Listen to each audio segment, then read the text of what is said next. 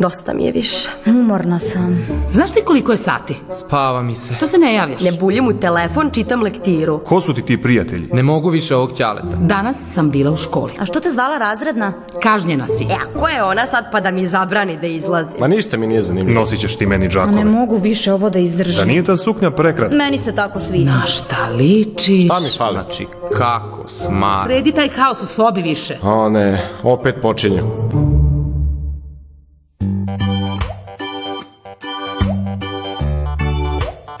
Na pitanje da li nam veštačka inteligencija pomaže u svakodnevnom životu, najveći broj anketiranih pozitivno je odgovorio.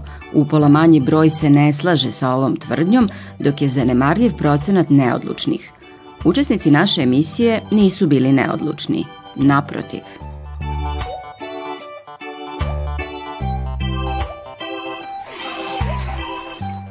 Luka voli automobile i skraćene časove.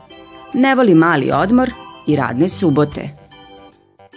Strahinja voli borilačke veštine, putovanja, društvo, izlaske, dugo spavanje. Ne voli da ustaje rano, da bude stalno kući, lenjost. Anđela voli sredom da jede lazanje iz menze u domu, duge šopinge, da snima tiktokove. Ne voli ljude koji puno govore, a malo kažu. Lazar voli dobar provod, tetovaže. Ne voli da čeka. Svaka nova decenija donosi sa sobom i neke promene, neka nova otkrića. I tako smo mi danas svedoci razvoja veštačke inteligencije ili kako to naučnici zovu, mašine koje treba da razviju inteligenciju koja je slična čovekovoj. A šta vi mislite o veštačkoj inteligenciji? Da li će oni da nas osvoje, da li će roboti da zavladaju svetom ili pak može da nam pomogne u nekim svakodnevnim nedoumicama i problemima? Imamo dva tima i ovaj tim zastupa stav da može više da nam pomogne nego što može da nam odmogne. Zašto? Pa, da ćeš ti prvi ili ja? Pa tebe pitala i. Pa, mislim da može dosta nam pomogne, jer generalno u životu ja prvi ovaj, dosta koristim tu veštačku inteligenciju. Kako što se tiče škole, tako i ako privatno, ako mi nešto zatreba, uvek sam e, taj koji googla ili nešto pretražuje, ili što se tiče škole, ako je neki pismeni, pa malo ovaj, da mi pripomogne.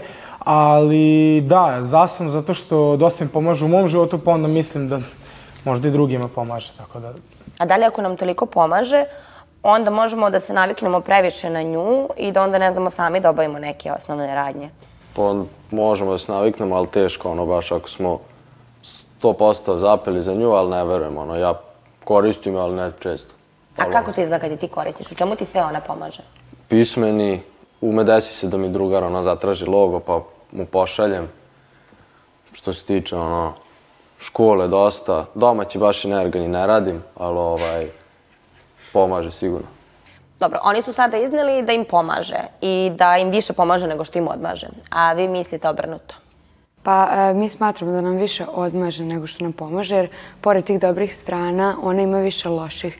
Za početak ona koristi podatke koji su već otkriveni. Znači ona ne razvija uopšte kreativnost. Samim tim naredne generacije neće imati tu mogućnost da razviju pre svega kreativnost, nakon toga kritičko mišljenje i međuljudske veštine, jer se ta veštačka inteligencija odvija e, preko kompjutera, preko tehn savremenih tehnologija. Znači mi gubimo u stvari tu međuljudsku veštinu i tu našu komunikaciju koja nam je jako bitna u životu.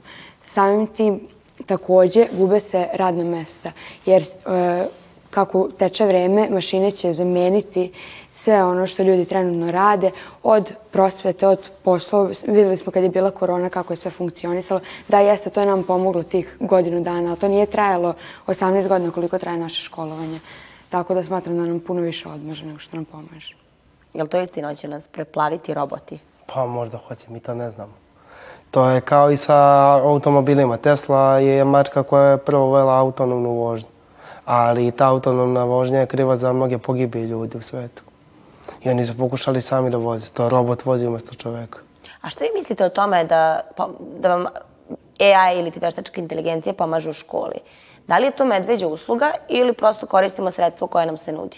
Pre svega je medveđa usluga, zato što džabe to što ću ja uzeti e, na taj chat GPT i napisati neki sastav kada ja sutrada neću znati da sklopim neki govor koji će mi biti potreban i koji sigurno neću uzeti i smišljati preko tog chat GPT-a, već je bitno da ja dam svoje mišljenje, a ne neko tamo nečije.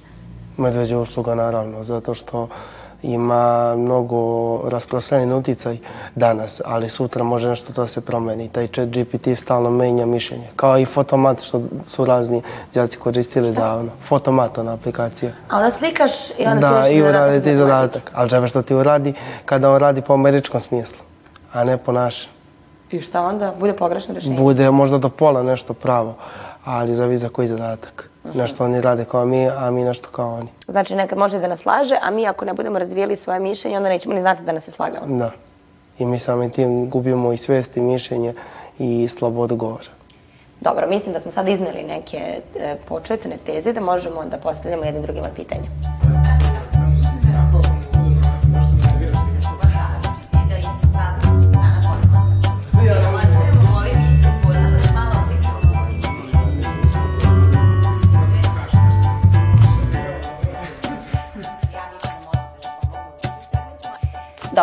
Čula sam ja ovde neko ćućurenje i da ste formulisali sad ta pitanja i do čega smo došli? Zanima me ovaj, zašto misliš, zašto mislite da se gubi komunikacija kad mi u stvari od robota tražimo informacije na njegove mišljenje i ja ću uvijek pričati sa drugarom nego s robotom, neću sigurno upaliti telefon i dopisivati se s njim. Pa i da mi imaju prednost. A, za početak ti samim tim što koristiš to kao pomoć, ti gubiš svoje veštine i svoje veštine snalaženja, jer umjesto da ti uzmeš knjigu, otvoriš i nađeš tu informaciju koja tebi treba, ti ćeš uzeti, lakše će ti biti da napišeš nešto i samim tim ti gubiš sve, sve to što bi mogao steći dok otvoriš tu knjigu, pročitaš neke i nebitne informacije i bitne koje ti trebaju. Tako da to je još uvijek medveđa usluga. Pa nije, kako si rekla da se snalazimo, valjda će se naći nešto ako je lakše, neće sigurno snalaziti teže. Da, ali ćeš onda izgubiti veštinu snalaženja.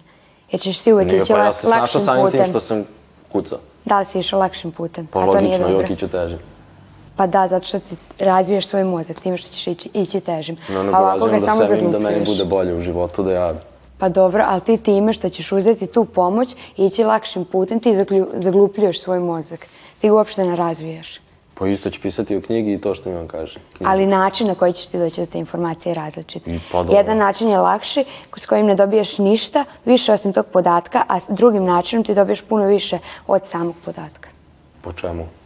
Dobro, sam izvini se, ja mislim da baš nije tako, jer mi ako nešto određeno tražimo u knjizi, tražit ćemo i na tom chat GPT To je da. gdje već pretražujemo i dobit ćemo koliko toliko sličan odgovor sa istim, kako to da kažem, e, odgovor će biti isti, bit će, ako ne isti, bit će sličan, ali ovaj, e, također rekla sam za komunikaciju da mi gubimo, ja baš mislim da nije tako, jer ovaj, gde god se tražilo da ja treba da iznesem svoje mišljenje, ja ovaj, ću uvek, uvek reći ono što ja mislim.